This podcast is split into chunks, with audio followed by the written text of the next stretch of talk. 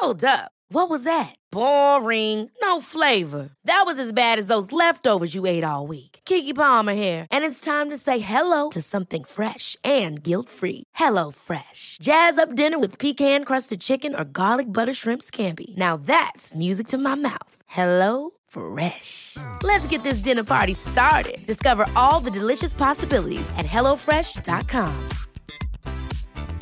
Everyone knows therapy is great for solving problems, but getting therapy has its own problems too, like finding the right therapist, fitting into their schedule, and of course, the cost. Well, BetterHelp can solve those problems. It's totally online and built around your schedule. It's surprisingly affordable too. Connect with a credentialed therapist by phone, video, or online chat, all from the comfort of your home. Visit betterhelp.com to learn more and save 10% on your first month. That's BetterHelp, H E L P. Life is full of awesome what ifs, and some not so much, like unexpected medical costs. That's why United Healthcare provides Health Protector Guard fixed indemnity insurance plans to supplement your primary plan and help manage out of pocket costs. Learn more at uh1.com. I can discuss some of the psychological aspects of the case. You've got to get a hold of yourself. Now look here, Johnson, I'm going to get to the bottom of this. I can discuss some of the psychological aspects of the case. And you're really crazy, you know that? Oh, yes, I remember that. Is this any concern of yours? Stop, stop, stop it now, I mean it. Ja, hei, det er psykolog Sondre Livre her. Diagnosen er dessverre svært alvorlig. Det viser seg at alt du tenker og føler er feil. Du må for all del ikke stole på hjernen din, den lyver. Alt du opplever er filtrert via nevroser fra ubevisste avkroker. Hvis du følger nøye med, er en liten mulighet for at jeg kan hjelpe deg. I can discuss some of the I can discuss some the I can discuss some the psychological aspects of the case. Well, I'm just losing my mind, that's all.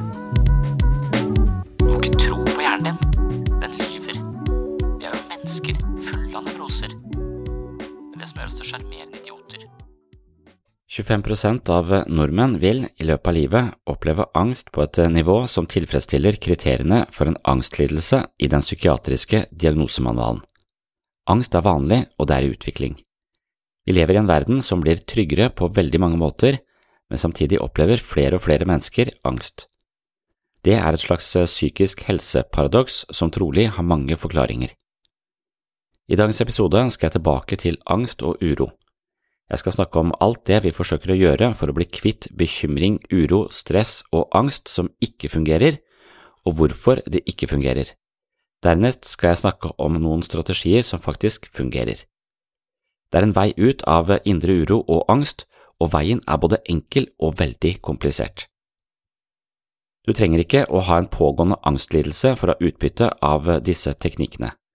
De fleste av oss vil oppleve perioder med stress, bekymring, indre spenninger, uro, psykisk ubehag og litt frynsete nerver i løpet av et år.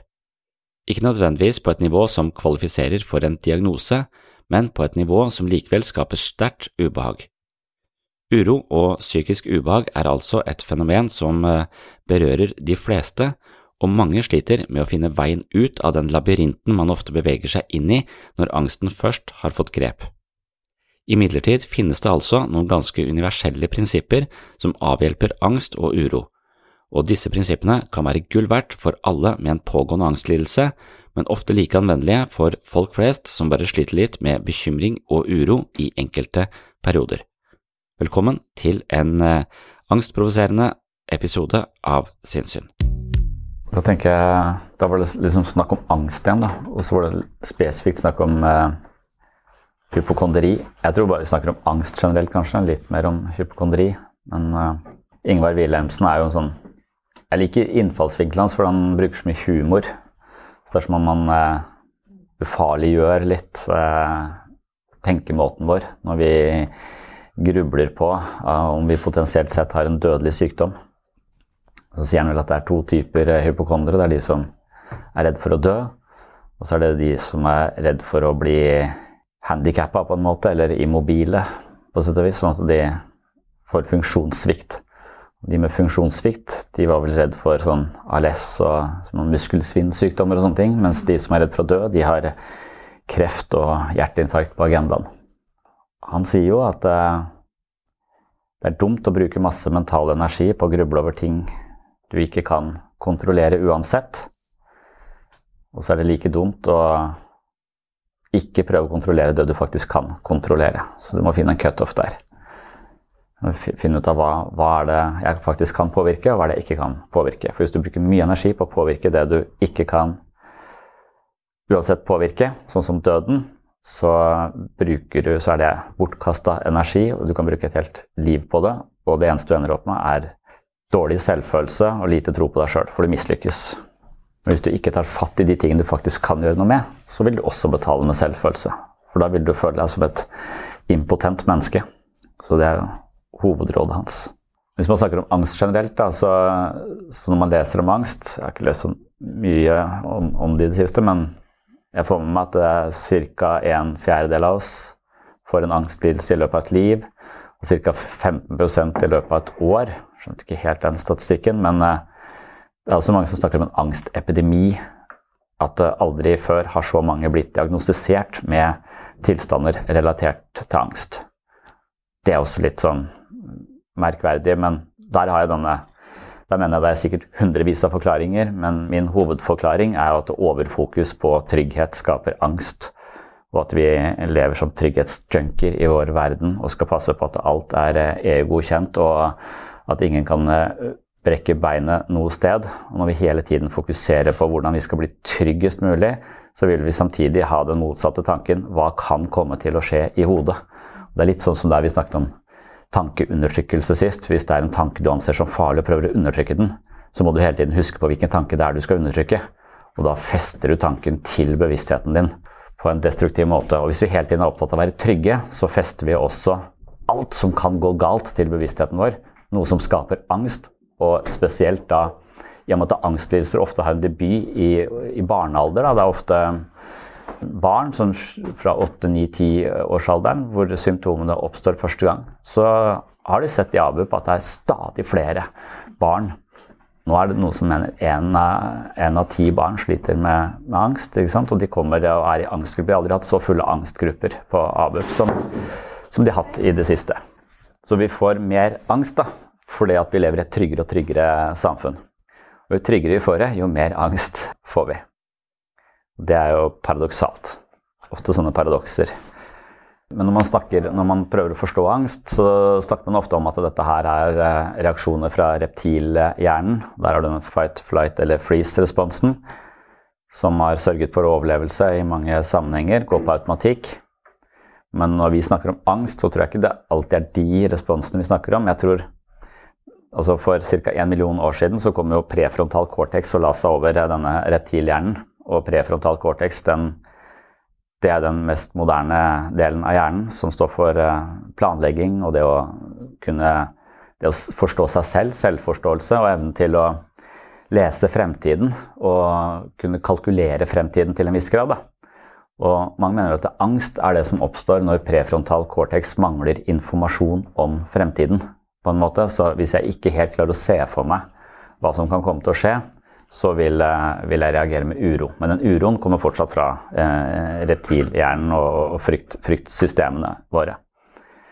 Og når jeg kjenner på den uh, uroen fordi jeg ikke helt vet uh, hva jeg kan forvente, så vil jeg prøve å håndtere situasjonen med det jeg har til rådighet. Og da har vi våre favorittstrategier og hvis den strategien funker, så blir den strategien lagret som et uh, mønster jeg kan bruke neste gang jeg er urolig. Og Det er der man tenker at uh, bekymring, som er liksom selve motoren i angsten, det ligner mer på en avhengighet enn noe annet. Det, det er akkurat som at uh, hver gang jeg føler et eller annet uro, en eller annen ubehagelig følelse, så vil den automatiske responsen min være å bekymre meg for hva dette her kan, kan være.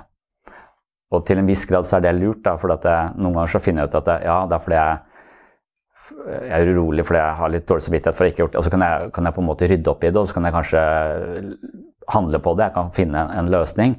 Men uh, veldig ofte så finner jeg ikke noen løsning, og så, og så vil jeg bare uh, gå og, og, gruble. For det grublingen har en slags velgjørende effekt. Så selv om grubling er kjipt, så er grubling likevel en forløsning av det opprinnelige ubehagelige følelsen. For den ubehagelige følelsen var verre enn grublinga, for grublinga føles ut som handling, altså at vi håndterer problemet vårt, selv om vi egentlig ikke håndterer problemet vårt. Og Derfor så ligner det på uh, andre former for avhengighet. For man, avhengighet er jo ikke bare alkoholmisbruk eller rusmisbruk. Det er jo også hver gang du gjør noe på automatikk som du veit er galt. Altså når du kjøper et par sko som du ikke har råd til, bare fordi at eh, du ikke klarte å la være. Altså det er også avhengighet. Det er, en, det er en automatisk respons som ofte kommer i kjølvannet av en eller annen ubehagelig følelse du ikke orker å ta inn over deg. Som det da er å sitte er, Hvor mange sitter ikke på telefonen sin når det egentlig er en deadline de skal nå, og, og når ikke denne deadline? Så det er jo alle disse tingene som skjer på automatikk. da som, eh, som, man kan tenke på som, eh, som, har det samme dynamikken som avhengighet. Hver gang jeg føler på et ubehag ved, på flyplasser, så drikker jeg eh, whisky. Det, det, er, det, er, men det er min strategi. Jeg har ikke tenkt å endre på den heller. men det, det, det, funker, men hvis jeg gjør det hver gang jeg føler et ubehagelig følelse, så skulle jeg drukket litt whisky før jeg gikk inn hit. Og det tror jeg kanskje sykehuset hadde reagert på. Og der, der, Vi er så innmari handlingskåte. Vi vil hele tiden finne en, når, når, vi mangler informasjon, det å tåle uforutsigbarheten, det er, det, det, er det, det er der angsten Det er jo de som tåler uforutsigbarhet, som du har påpekt noen ganger, som, som på en måte lever, eh, lever best. Og, og, når vi ikke vet hva vi skal forvente, så gjør vi et eller annet som vi tror kan uh, være å være på ballen. Og når det er pandemi, så, så er det sånn Fy faen, hva skal vi forvente? Vi vet ingenting. Kommer alle til å dø? Hva, hva skjer? Vi er dritredde. Og strategien, en automatisk respons til folk, er å kjøpe doruller. Det er sånn Wow! Hvor kom det fra, liksom? Det er omtrent like rasjonelt. Det er jævlig merkelig. Jeg skal drite for dette. Altså, hva, hva er det der så Dette er farlig, men jeg skal være forsiktig. Det er en god holdning. Istedenfor uh, dette er farlig, nå må jeg ha hjelm og knebeskyttere. Eller jeg tror det er for farlig, jeg tror ikke jeg skal klatre opp i det treet likevel. Og da tror jeg du må inne på den der eh, nevrokjemien igjen. At man Eh, man, for det første så tror jeg man mister livskondis av å sitte inn og, og game. Man blir for god gamingkondis, men man får dårlig mellommenneskelig eller sosial kondis. Så du skal ikke være så veldig lenge aleine før det å møte et annet menneske blir sånn wow, litt overveldende. Uh, og hvis du da bruker den eh, stresset du får da i å møte andre mennesker, inn i unnvikelsesavdelingen i huet ditt sammen med fryktavdelingen, så får, bruker du denne stresscocktailen på den måten som bare forverrer, som gjør deg på evig flukt da, fra alt som er farlig og skadelig. Og så får du så mye kortisol i systemet ditt at du får først mage- og tarmproblemer, så magesår, og så uh, dør du av hjerteinfarkt pga. adrenalinet. Når du er 45. Nei, eh, så, så, veien ut av, av, angst da, den har vi jo snakket om mange ganger, men jeg tror den er liksom verdt å gjenta. og Jeg klarer aldri å uttrykke det på en sånn måte at jeg blir fornøyd. Jeg syns det er noe Jeg syns det er vanskelig å, å presisere hvordan man skal uh, håndtere angst på en måte som er hensiktsmessig. fordi at det, på et eller annet tidspunkt så kommer, jeg, så kommer språket til kort. Fordi jeg mener at det, igjen så er det mindfulness som er løsningen. og mindfulness handler ikke om handling, det handler om observasjon. Og mindfulness er heller ikke å Altså, mindfulness er bare å legge merke til hva som skjer. For problemet med, med hjernen vår Det var noen forskere som mente at det er 50 av alt vi gjør i løpet av en dag, eh, er på automatikk. da.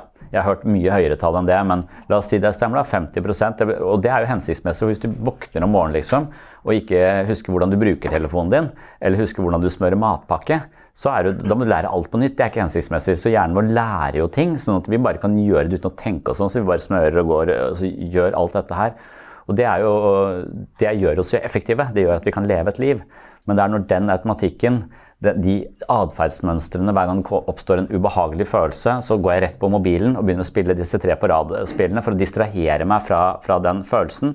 Det er da du har fått sånn, eh, et problem som har fått en løsning og lagt på et lavere nivå i hjernen som en automatikk, og det er da du også ligner en avhengighet. Det er kanskje hakket bedre med tre på rad enn eh, whisky, men det er likevel eh, på en måte skadelig på, på lang sikt. Og du, og du er da inne i sånne habit loops. Da, så Den kognitive psykologien vil si at det eneste du skal drive med, det er å kartlegge deg sjøl. Du skal observere deg sjøl og se hva er det som oppstår, hva er det, hvordan reagerer jeg? Og så skal du beskrive disse habit loops, som de kaller det, eller vanemønstrene, ned til minste detalj.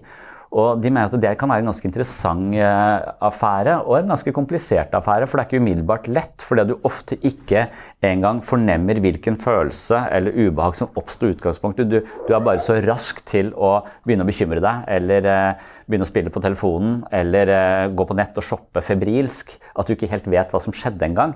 Så det å hvile som en observatør til disse, disse mønstrene, det er det man skal, skal, gjøre. Og så sier de, men med en gang du gjør det, så ser du å faen, hver gang jeg blir stressa eller hver gang jeg er lei meg uh, fordi jeg har følt et eller annet, så gjør jeg sånn og sånn. Det må jeg slutte med. Og så blir du veldig handlingskåt på å gjøre et eller annet veldig raskt for, uh, mot det.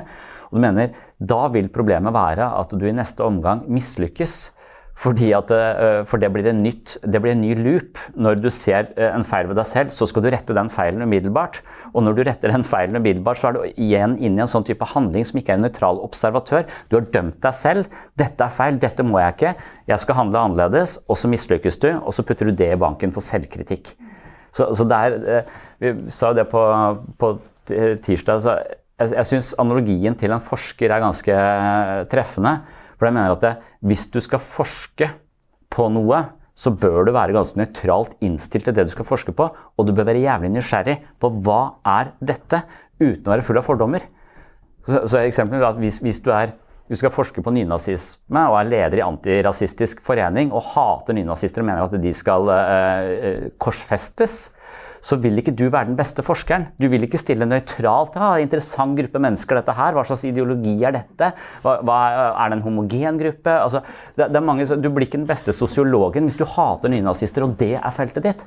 Og det samme blir ikke overfor deg selv. Hvis du hater deg sjøl og skal forske på deg sjøl, så blir det sånn derre ja, du, du, er, du, er, ikke i den posisjonen til å forstå deg selv på best mulig måte. Du er biased til langt inn i helvete. Og langt de fleste mennesker er fordomsfulle overfor seg selv. De har ikke forskerens åpne blikk på det de undersøker, når de undersøker seg selv. Det er kjempe, jeg tror det er hovedproblemet til folk i forandring. At de dømmer det. Typisk meg er så, uh, så dum. Ja, så dum er jeg. Så ser du det. Altså, det, er, det, er en, det er verdens verste forsker. Very Bad Wizard, som er favorittpodkasten min, hadde akkurat en episode de ikke kunne slippe. fordi de pleier å lese sånne gærne forskningsartikler. Og der var det en en som hadde forsket på barneporno av alle ting. En altså helt sær eh, form for barneporno. Og så viste det seg at han var da for dette, og han var en bruker av dette, og han var veldig positivt innstilt til denne type. Så, så, det ble så mørkt etter hvert. Og når de skjønte at dette ikke var en nøytral forsker, men en forsker som bare ville ha dette her legalisert, men hadde en slags personlig agenda i det, så ble det plutselig mye, mye Så, så, så det, er ikke, det er ikke sånn Vi trenger ikke forskere som ønsker å finne et bestemt resultat for å nå et personlig mål. Og når det gjelder oss sjøl, så er målet vårt ofte å rakke ned på oss selv. Vi er misfornøyd med oss selv, vi strekker ikke til, vi er udugelige. altså Vi har kritiske stemmer. Eller vi har for oppløftende stemmer. altså Jeg er helt fortreffelig, det er ingenting galt med meg. altså Begge de to unyanserte blikkene på, på seg selv er ikke en forskers perspektiv. En forsker skal være helt nøytral når man undersøker noe. Og, og jeg tenker at en, en, en, forsker har sikkert problemer med å være eh, nøytral i en del sånn litt betente felt. Men jeg tror likevel er, de bruker veldig mye energi på å være det, og de bruker til og med metoder som skal sørge for at deres subjektive holdninger holdes på avstand i mest mulig grad. Det er kanskje selve ideen i naturvitenskap. er At vi skal ha kontrollerte studier hvor vi i minst mulig grad skal ha vår egen mer motiverte holdning inn, inn i spill. Da. Og jeg er helt enig, vi kan aldri være 100% nøytrale. Men jeg tror vi kan tilstrebe det, og jeg tror det er det som er essensen av selvforståelse også å tilstrebe en, en eh, aksept av det som er. For Hvis vi går tilbake til fri vilje, så har vi ikke noe fri vilje. Så vi kunne ikke gjort det annerledes likevel. Vi er jo determinerte på en eller annen måte. Så, så det er bare å observere hva slags algoritmer er på, uh, på spill i meg. Men genuin uh, nysgjerrighet. Ja, I går så traff jeg en komponist, og da var jeg liksom interessert hvordan er det sånne som spiller symfoniorkester og sånn, hva slags mennesker er det, hvor, hvordan er arbeidsdagen deres og sånn. Så jeg snakket en del med han. Og han fortalte hvordan du blir ansatt i et symfoniorkester. og Da er det først at det er, det er en stilling ledig, og så kommer det folk fra hele verden ofte og prøvespiller bak et forheng. Sånn at du ikke ser personen. Ser, de som skal vurdere det, sitter bare, de ser ikke det mennesket som, som spiller. Og så velger de ut på bakken Å, faen, han er en jævlig irriterende naboen. Han, så, det er jo kanskje, Når du da ser ansiktet, og, og er en du f.eks. kjenner, så det er jo for å fjerne alle denne altså, Jeg tror utseendet spiller en rolle på en eller annen måte. altså du ser det vil, det vil, forstyrre. Men her er det jo musikken vi skal eh, bedømme, og da trenger vi ikke å se vedkommende f.eks. Og, og jeg vet ikke hvordan vi skal anlegge sånne strategier på oss selv. da, Hvordan vi kan bli såpass eh, Vi kan ikke liksom putte et forheng mellom meg og meg for å, for å bedømme men, men, vi kan kanskje tilstrebe det vi har snakket om så mange ganger, og bare være nysgjerrig på hva er mønstrene og beskriv mønstrene så nøytralt eh, du klarer, uten å ta stilling til om det er et bra eller et dårlig eller et feil, eh, feil mønster. Og, det tror jeg er også litt sånn, det er litt sånn komplisert. for sånn, Du er i en situasjon som trigger angst. Hva er det du gjør automatisk? Blir du sint, eller spiser du noe usunt? Eller eh, blir du helt følelsesmessig nummen? Begynner du å se på Netflix? Altså, hva er, eh, og, og så mange, Beskriv så mange som mulig. Bli ekspert. Skriv doktorgrad på deg selv, sånn at du observerer dette. Men, men, et eksempel fra jeg husker ikke hvor det er fra den kognitive psykologien, er sånn det er den overvektige dama som driver sånn så jojo-slanking. Så hun går liksom opp, og så går hun ned til matchvekt. Og så er hun egentlig jævlig fornøyd med å være matchvekt. Hun er sunnere, alt er bedre, ting går lettere. Men hver gang hun kommer ned dit, så går hun rett opp igjen uh, av en eller annen grunn. Og, og når hun begynner å hva, hva, er følelsen? Hva er det som trigger uh, min overspising igjen når jeg faktisk er veldig fornøyd med meg selv? Og, og, for henne så hang det da sammen med en type overgrep som hun hadde vært utsatt for tidligere i livet, hvor det å få positiv oppmerksomhet fra menn ø, virket skremmende. Det å bygge seg opp et stort skjold og være overvektig var mindre blikk, dermed en tryggere situasjon. Så uten at hun egentlig visste uten at hun forsto helt hvorfor hun bare begynte å spise, for det skjedde bare på automatikk, så begynte hun liksom å og, å, se et slags mønster og så klarte å identifisere ubehaget.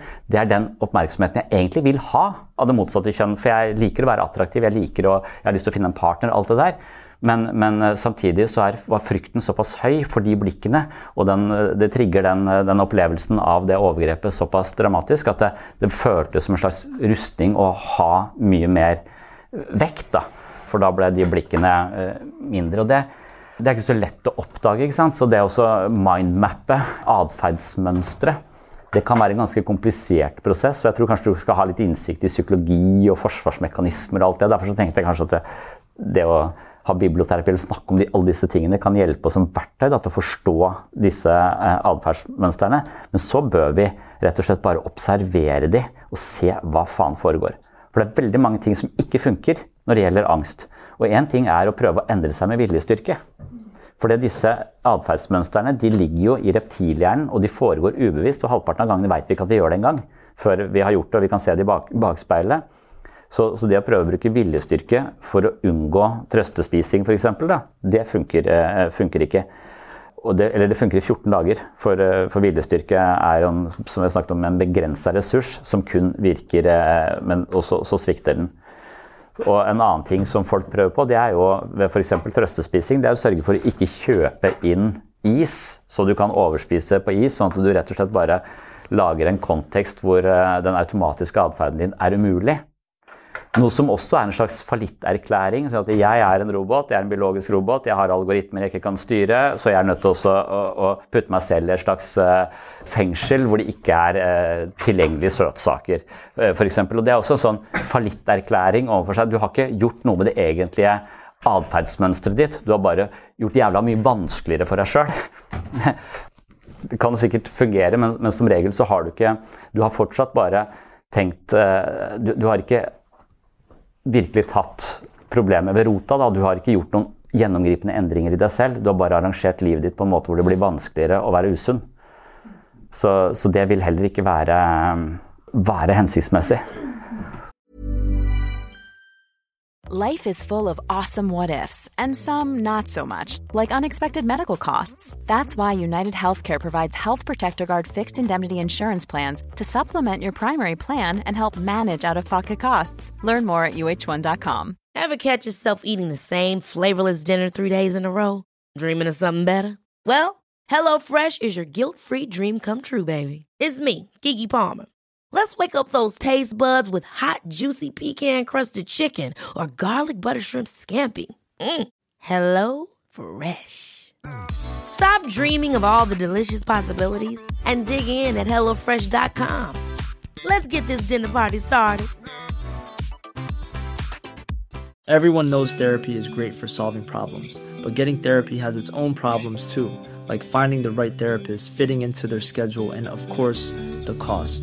Well, BetterHelp can solve those problems. It's totally online and built around your schedule. It's surprisingly affordable too. Connect with a credentialed therapist by phone, video, or online chat, all from the comfort of your home.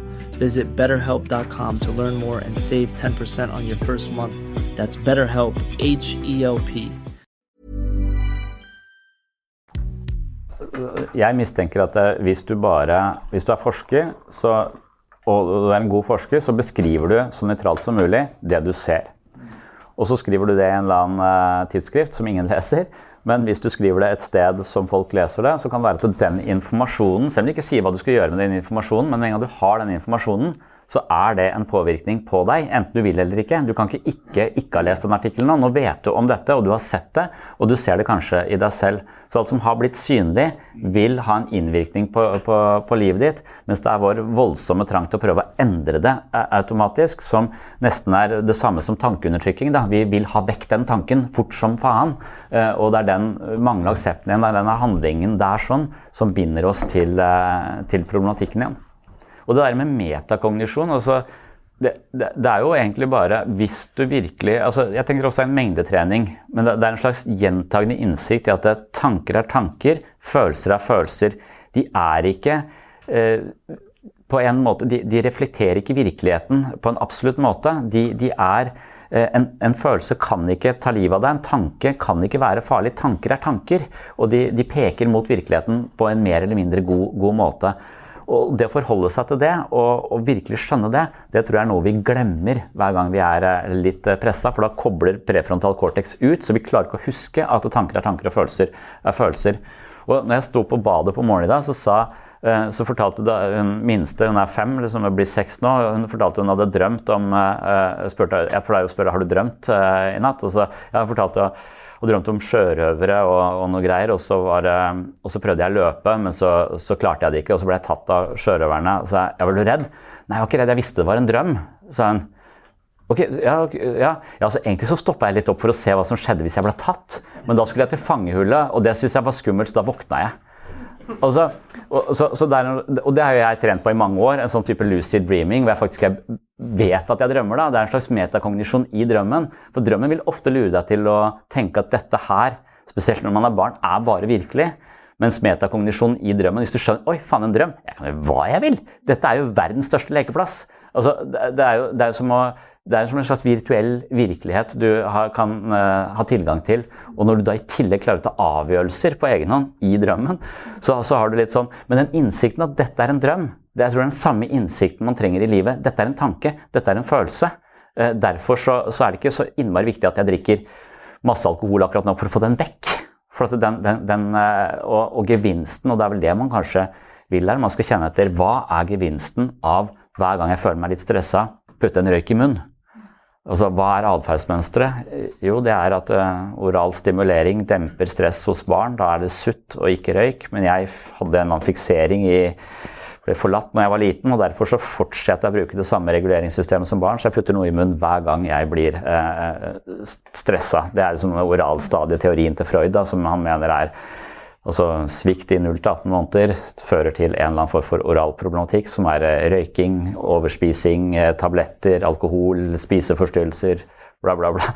Så, så det automatiske mønsteret er noe vi har, eh, har, installert i oss, og som vi tar med oss som en, som en reaksjon på ubehaget ved f.eks. å bli forlatt. Da. Så hver gang noen svikter meg, eller ikke sier ha det, eller ikke ser meg, og så, så reagerer jeg på med å putte. Så, så man kan kanskje forstå litt av hva store tenker har sagt om ulike dynamikker i det uvisste, og se om det passer litt på, på oss, for å, for, å, for å, kunne se hva er, det, hva er dette atferdsmønsteret. Noe av det der fikk jeg liksom ut av det jeg leste til i dag. Og det var spesielt med dette på, på nysgjerrighet. Fordi at eh, jeg tror at motivasjonen til en hypokonder f.eks. er enten drifta av frykt, eventuelt en slags omsorg for seg selv. En slags øh, omsorgsfull øh, holdning til seg selv, og ikke drevet av frykt. Øh, frykt. Sånn at jeg tror, de, jeg tror at det, du kan få en person som er redd for å dø, men så prøver å håndtere den frykten eller unngå den frykten eller den erkjennelsen at jeg faktisk skal dø, ved å være på helsestudio hele tiden og holde på med alle dietter og få ortoreksi og bruke hele livet sitt på å flykte fra døden. Men så tror jeg en annen kan tenke hva faen, jeg skal dø. Da er det viktig å ta vare på meg selv og bruke den tida jeg har nå. Og jeg vil ha en sunn kropp som varer lengst mulig, så jeg investerer litt i trening. Jeg tror at de to gjør det samme, men, men når det blir sykelig, så er det fordi det er ikke en, basert på en vennlig omsorg for meg selv og en erkjennelse av de faktiske forholdene. Det er en slags flukt fra døden. Så enten så løper du fra døden, eller så aksepterer du døden, men du gjør det samme. Så, så, så atferden er helt lik. Begge to trener. Den ene trener er egentlig på tredjemølla, og så er det en mann med ljåen som liksom er bak der hele tiden. Og du løper og løper og løper. og løper. Det ene, liksom, det ene og det er nettopp der denne nevrokjemien er så interessant. For at hvis du er på flukt og Det var det som jeg tenkte dattera mi gjorde i den drømmen. Altså, hun visste at det var Sabeltann som var etter henne. Hun er ganske redd for ham, men så stoppet hun for å se hva som skjedde hvis han tok henne. Altså, det er jo å møte Pennywise eller det der uh, uh, monsteret fordi hun visste det var en drøm. Så det, da kan jeg teste det ut. Hun hadde aldri turt det hvis det faktisk var Sabeltann, sa hun når, hvis vi var der ute. For da, da, da, må hun holde meg i handa liksom, og være på, på, god avstand, for han er jo, han er jo ordentlig. dette, var jo ikke, dette var jo ikke ordentlig. Men, men, det er den der nevrokjemien i den flukten som da er investert i amygdala, unnvikelse og, og, systemer som har en overproduksjon av kortisol og adrenalin. Mens hvis du klarer å opprettholde en nysgjerrighet, for nysgjerrighet er forbundet med dopamin, og dopamin lager en motorvei inn til hippocampus, som står for læring. Blant annet, da. Så, så det, er, det, er, interessant det der med de, de snakker om at barn har en en slags åpen nysgjerrighet på ting, hvor de på et eller annet tidspunkt stiller 483 spørsmål per dag til foreldrene sine. Noe som nesten tar livet av foreldrene. Men, men det er en slags sånn Hvorfor uh, har hunder fire bein? Eller uh, hvorfor drikker du vin hele tiden? Sånne ting. spør, de, spør de om de er genuint nysgjerrige på dette her. Ja, og jeg begynner å forklare jo, for jeg har en slags fluktstrategi fra ubehagelige følelser som gjør at jeg Så, så, jeg, så jeg, lager en uh, men, men, men, de sier at det er et slags overskuddsnysgjerrighet, mens voksne mennesker ofte har en deprivasjonsnysgjerrighet. Det betyr at vi er kun nysgjerrige når vi mangler informasjon. Når vi sitter i trafikkø, var eksempelet mitt eh, fra forrige gang. altså Når du sitter i trafikkø og ikke rekker møtet, så begynner du å google hva faen er det som har skjedd på E18 nå, og så vil du ha et svar. Så nysgjerrigheten din er preget av at du, mangler noe, som igjen er en sånn stressrelatert nysgjerrighet. Mens den genuine nysgjerrigheten på hva er dette for noe? Hva er det som skjer, eh, hva er det som skjer her? Den produserer endorfiner, og da får du plutselig en helt annen cocktail inni huet ditt som også gjør at du kan lære noe av situasjonen. Så hvis vi skjønner at tanker og følelser og kroppens reaksjoner ikke nødvendigvis er farlige, så er clouet oppretthold nysgjerrighet. Og da sier forskerne, øh, og det syns jeg var interessant, jeg sto det Hvis du får panikkanfall på en fest, eller hvis du har masse sosialangst og fryser helt på en fest, så skal du si hm, dette er interessant. Og de skal si hm. Og hm, det er den lyden jeg finner igjen i alle disse religiøse tradisjonene. Hmm, sier de. Er det derfor? er det for altså, for Den hum-lyden den dukket plutselig opp, for jeg akkurat holdt på en sånn buddhistisk filosofi, og der er det hum vibrerer på 473 hertz, som uh, svinger i takt med universet, uh, sier de. Og så sitter de hum på det der. Uh, og men mens i, i, forskningen på angst, så er det hm fordi det er lyden for nysgjerrighet. Og, og den nesten aktiverer den samme Hmm. Så, så, så, så, der følte jeg bare Det er ikke sikkert den sammenhengen er relevant, da. Men, men hvis du klarer det og tenker Å, fy faen, nå fryser jeg foran uh, eh, 40 mennesker. Jeg driter meg totalt ut. Hm, det er interessant. Men som regel så, så, er det nesten sånn umenneskelig å møte sitt eget panikkanfall med nysgjerrighet. Ja, det, det virker som et, eh, i hvert fall et ganske komplisert prosjekt. da. Ja, det, det, de sier, den hum-lyden, var det du som sa det? At den, den aktiverer eh, vagusnerven, som vi snakket om sist. At, at vagusnerven er den som også uh, demper produksjon av kortisol og adrenalin. Hvis du klarer å kontakte vagusnerven, som er den som kommuniserer med alle disse indre organene dine, så, så vil jo hum-lyden den, den, gjør visst nettopp det. da. Så den er jo til stede i ulike former for yoga og meditasjonspraksis, den hm, bakgrunnsmelodien.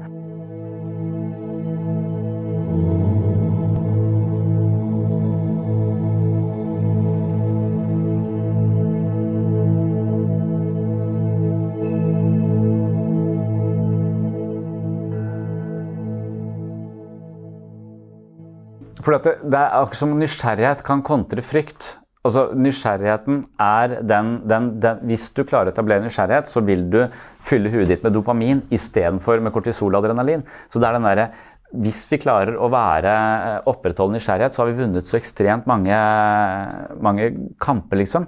Det er eh, men, men, som sagt, det er ganske vanskelig å være nysgjerrig. og det er der jeg har sagt det at Kan du ikke bare prøve å tenke at du er eller kan du ikke prøve å adoptere eh, rollen som standup-komiker i ditt eget liv? I den forstand at jeg mistenker at standup-komikere er på jakt etter kleine situasjoner hvor de driter seg ut, for det gir de materiale. Mens jeg er på jakt jeg, jeg, har lyst til å ikke drite meg ut i sosiale situasjoner. Det er målet mitt. Derfor er jeg i kamp mot min egen usikkerhet. Mens hvis jeg hadde samla på uh, Jeg samler på ideer. Hvis jeg hadde samla på situasjonen hvor jeg driter meg ut, så hadde jeg nesten gått sånn aktivt inn for å drite meg, ut, for da har jeg materiale til neste show. Og jeg tror at det, det, vil være sånn, Hvis du adopterer den holdningen, så vil du ha en mer leken holdning. Og en mer sånn 'Å, faen, nå driter jeg ut. Se hva som skjer.' Så, så, da, da, kan det være du klarer den nysgjerrighetsgreia. Hvis du endrer bare perspektivet at det, hver gang jeg driter meg ut, så får jeg en god historie på et eller annet tidspunkt. Det ser helt kleint ut akkurat her, men, men, det, men, men det er noe jeg kan fortelle om 100 år, for det er alt glemt. Men, men ja, det er litt enig. Altså, det kan være en sånn uh, flukt til en høyere makt og som fraskriver seg ansvaret og litt sånn, sånn, barnslig. Men det kan også være, hvis det er mer sofistikert, så tror jeg altså, det finnes en veldig sånn religiøst sofistikert variant som ikke er fullt så barnslig som, som jeg mener han Paulo Coelho på en måte representerer. for Han blir brukt som eksempel, sånn arketype, hvor du på en måte bare tenker at det, det er en uh, mening i dette det er en slags aksept for at det, livet er sånn som det er. Livet kaster dette mot meg, jeg aksepterer det som kommer. Og, og At man flyter med istedenfor å prøve å stritte imot alt mulig. Så at man har en slags tiltro til universet, på en måte. Om det er en gud eller hva det er. altså at du Istedenfor å stritte imot 'det burde ikke være sånn', det burde ikke være sånn, altså den anstrengte livsførselen, så virker det som noen av disse karakterene hos Paulo Coelho er mer sånn eh, ja, de, de, de aksepterer universets eh, motstand på en måte, og, og prøver heller å surfe med det istedenfor å stritte så jævlig imot det. Så jeg lurer på om det er det noen kan få ut av religion, at de bare stoler på, på de, de, stoler på Gud, da, men de, men de, stoler på, egentlig på at eh, det som skjer, det skjer. Og det er ikke sikkert de blir totalt passive av det. Eh, men, men, eh, men de, de, har en slags tiltro at det er en mening bak alt. Da, og da virker ikke ting så jævla meningsløst, i hvert fall.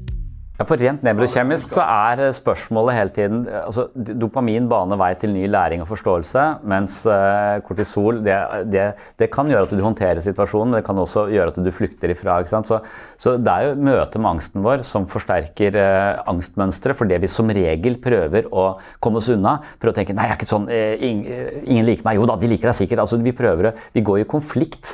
Vi, går, vi aksepterer ikke situasjonen, vi aksepterer ikke oss selv, vår egen reaksjon. Vi vil ha det vekk. Vi vil ha det vekk. Alt sammen skal bort, og vi vil ordne det nå. Og det er den holdningen som er den eh, fordomsfulle forskeren, eller den som ja, og, og, med en gang vi blir handlingskåt på den måten, så, så, og prøver å flykte fra det. Og det er, det er derfor det er så paradoksalt. Angsten skal møtes med nysgjerrighet. Og hvis du skjønner det, så er du eh, home free. Og hvis du klarer det, så er du et overmenneske. jeg, for jeg lurer på om kunnskap også er en litt sånn eh, Det, det er greit nok kunnskap, men men en som heter Carol Tweck hun har liksom argumentert for at det finnes to typer mennesker. Hun sier at det finnes de med fixed mindset og de med growth mindset. Så du har noen som, som tenker at mine egenskaper talenter er medfødte og endelige. Ganske sånn øh, låst. Og så har du noen som tenker at øh, jeg vokser hele tiden i kraft øh, med erfaringene mine. Og jeg, jeg, tror det også er en sånn nøkkel til, eh, til, nysgjerrighet. Du skal være nysgjerrighet på min reaksjon. Og jeg tenker at ja, jeg reagerer sånn og sånn. Det er meg. Det er essensen av meg. Sånn er jeg. Altså hele, hele, verbet 'å være i presens' har vi snakket om noen ganger. altså at Det er en som heter Alfred Korsipska, men at vi bør forby verbet 'å være i presens'. Jeg er. For du er aldri altså, Hvis du har et growth mindset, da, så vet du at eh, jeg kommer til å forandre meg i løpet av de neste fem minuttene. Jeg kommer til å være fem minutter eldre. Ting har forandra seg. Eh, Nevrokjemien i kroppen min er annerledes. Altså, ting er hele tiden in flux. Er hele tiden i i bevegelse. Og når du da har det i mente når du observerer deg selv, så blir du ikke For det er ganske skremmende å observere at det, hver gang det skjer, så, så, gjør jeg en eh, type handling som fremskynder døden ganske dramatisk. Fordi jeg røyker Så, så, så det å se på seg selv og lett å dømme det som fryktelig uh, unødvendig. Og hvis du tenker det er meg, jeg klarer ikke å, å, å stoppe dette, jeg, altså, da, da, er du uh, Og det med diagnoser, vil ha en diagnose altså, jeg, sånn, det er, det er, kategorier som peker i en eller annen retning, men det er, det, jeg sånn jeg skulle ønske jeg kunne finne ut om den personen som sitter overfor meg har et fixed mindset. Da ville de aldri fått en diagnose av meg, eller om de har et growth mindset. Da kan denne diagnosen peke på en eller annen type atferdsloop. Så idet vi kan se den og undersøke den, så kan vi også fjerne oss fra den eller forstå den. Og i kraft av forståelsen så vil du automatisk komme til å være litt annerledes når du går ut herfra i dag.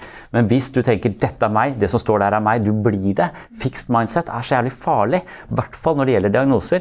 Så det første jeg ville utrede av folk med, var egentlig har du et fixed mindset eller har du et growth mindset. Og hvis du har et fixed mindset, får du ikke en eneste diagnose av meg. Det kommer til å skade deg noe jævlig. Eh, da kommer jeg til å si 'du er frisk'. Nei, jo, du er frisk!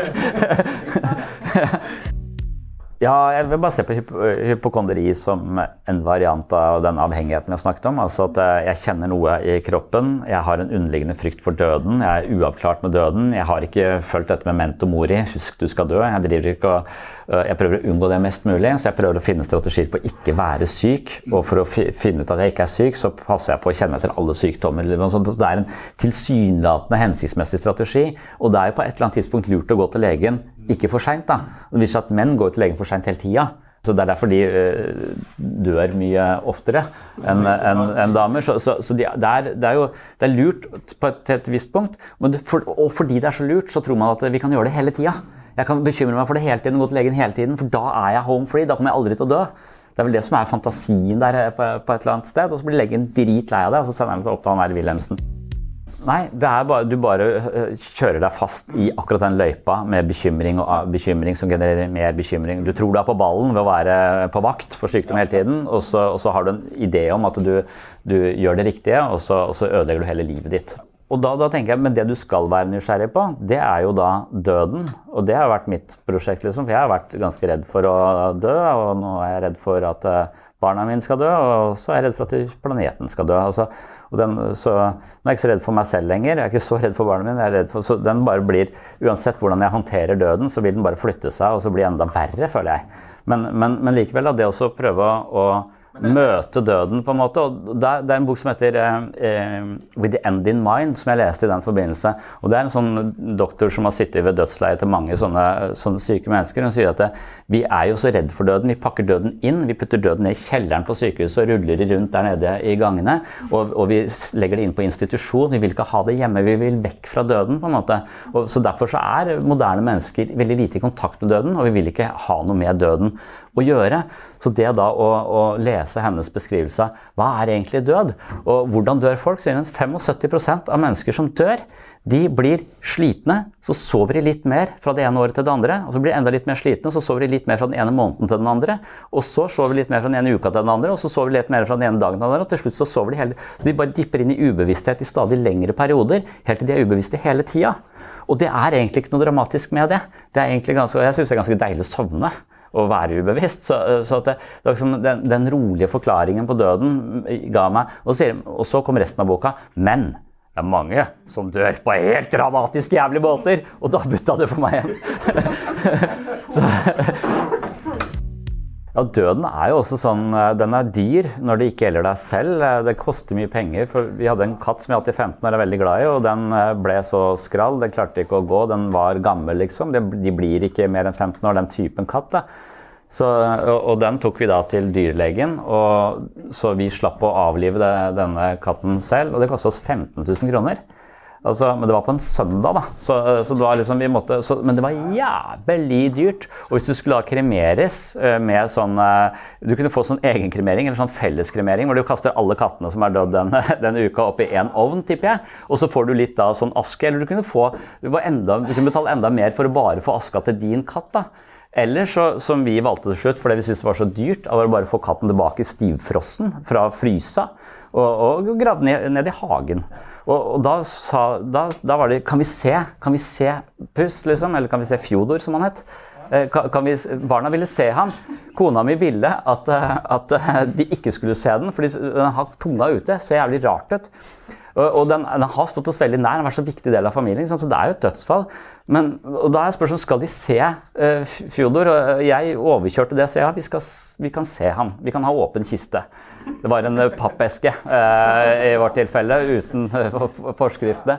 Så, så, ser vi han, og så, så, gråter vi litt, og så begynner noen å le litt, for de vet ikke hvordan de skal reagere på dette. og så Det er en rar situasjon. Jeg har aldri vært i en sånn situasjon. Vi begraver noen i hagen. Hele greia er skal vi synge, hva skal vi gjøre? Men så, men det, det, er den der, Jeg mener at folk veit hvor redd vi er for døden, så de tar 15 000 kroner for å fikse det for oss.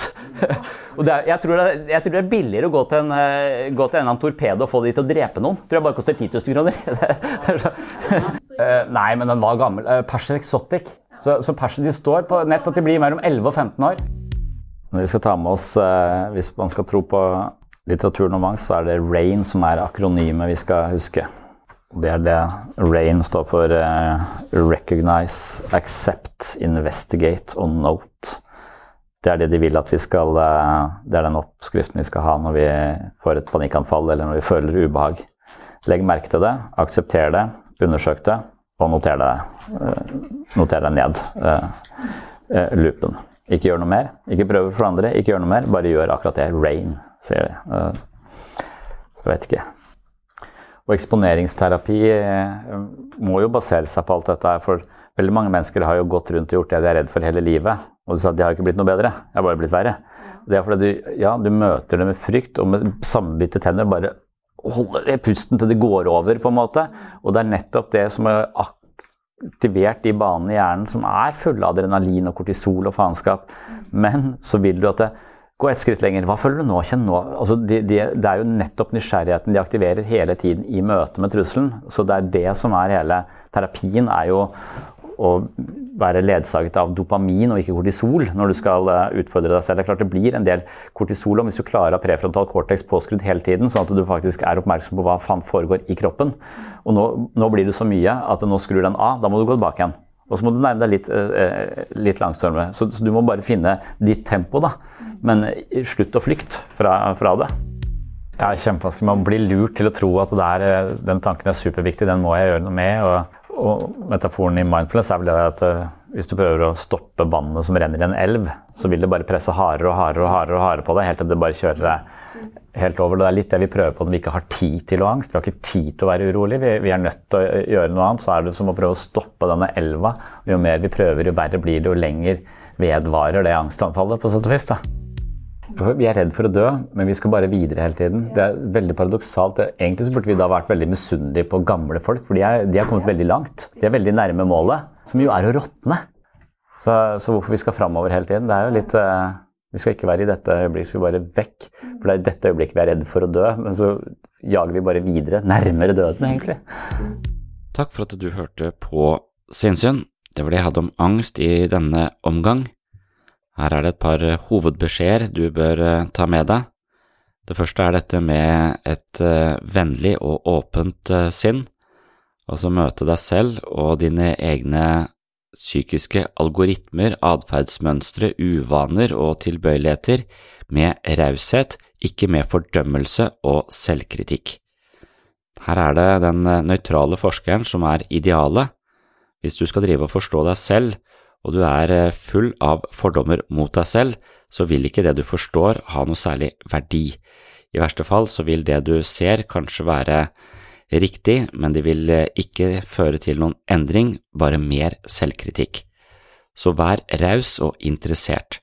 Og dette med interesse som er kalibrert i riktig retning, det er også utrolig viktig hva angår eh, nesten alle former for psykisk ubehag hos oss mennesker, for interessen vår er ofte å komme oss vekk fra det, komme oss ut av ubehaget, og derfor så setter vi i gang alarmtiltak og bruker den dosen vi har fått av kortisol og adrenalin på unnvikelse, frykt og rett og slett eh, panikkstrategier, det vil føre til et ganske destruktivt mønster hvor eh, angsten ofte smører seg utover hele livet.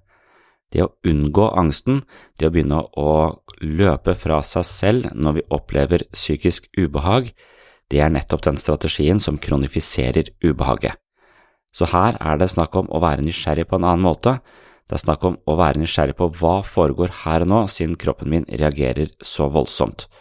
Og det å klare å være interessert og nysgjerrig på sine egne algoritmer og ikke henfalle til fluktstrategier og febrilsk vri seg unna den smertefulle opplevelsen, det er det som ikke er spesielt intuitivt for oss mennesker, men det er likevel veien å gå for å komme ut av sånne destruktive angstspiraler. Så vær nysgjerrig, si hm, hva er det som foregår akkurat nå? Og som jeg nevnte, så er denne hm-lyden, den går igjen i mange store visdomstradisjoner, og det er interessant. Det er noen som mener at denne hm-lyden rett og slett aktiverer vagusnerven, som bare ved hjelp av lyden rett og slett demper ubehaget du har, eller rett og slett demper produksjonen av kortisol og adrenalin, og rett og slett eh, drar litt av den energien du bruker i amygdala ut på andre deler av hjernen, sånn at kroppen finner ro.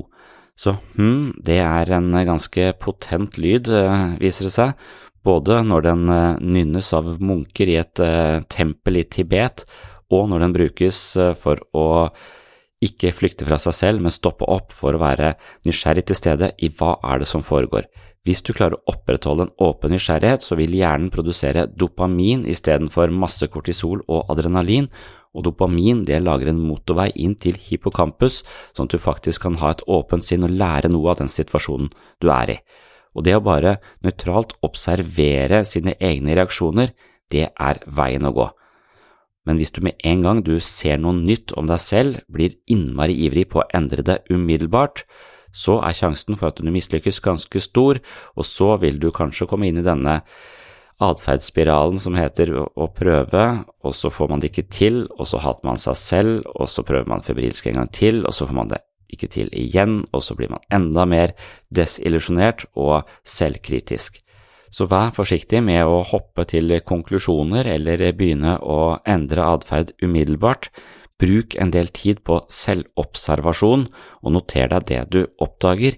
Ikke gjør det til utgangspunkt for noe som skal, eh, du skal endre i løpet av den neste uka. Vær heller til stede i deg selv og observer det som foregår, og bruk tid på det. Tanken er at eh, forandring er en bivirkning av denne observasjonen. men Hvis du aktivt går inn for å forandre deg, så er sjansen for å havne i disse destruktive spiralene mye, mye større. Det var hovedpoenget i dagens episode av Sinnsyn. Håper du henger med i neste episode. Oh, I'm just losing my mind, that's all.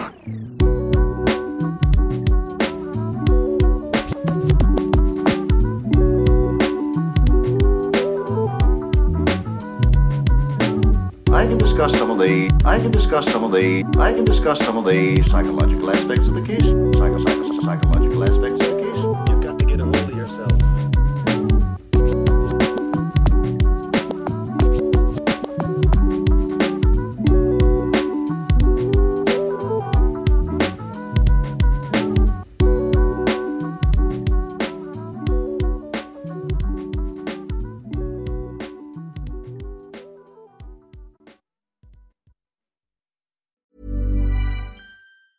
Mom deserves the best, and there's no better place to shop for Mother's Day than Whole Foods Market. They're your destination for unbeatable savings, from premium gifts to show-stopping flowers and irresistible desserts. Start by saving 33% with Prime on all body care and candles. Then get a 15-stem bunch of tulips for just $9.99 each with Prime. Round out Mom's menu with festive rosé, irresistible berry chantilly cake, and more special treats. Come celebrate Mother's Day at Whole Foods Market. Ever catch yourself eating the same flavorless dinner three days in a row?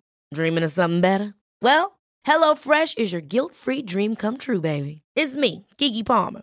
Let's wake up those taste buds with hot, juicy pecan crusted chicken or garlic butter shrimp scampi. Mm. Hello Fresh. Stop dreaming of all the delicious possibilities and dig in at HelloFresh.com. Let's get this dinner party started. Imagine the softest sheets you've ever felt. Now imagine them getting even softer over time. That's what you'll feel with Bowl and Branch's organic cotton sheets. In a recent customer survey, 96% replied that Bowl and Branch sheets get softer with every wash. Start getting your best night's sleep in these sheets that get softer and softer for years to come. Try their sheets with a 30-night guarantee. Plus, get 15% off your first order at bowlandbranch.com. Code BUTTERY. Exclusions apply. See site for details.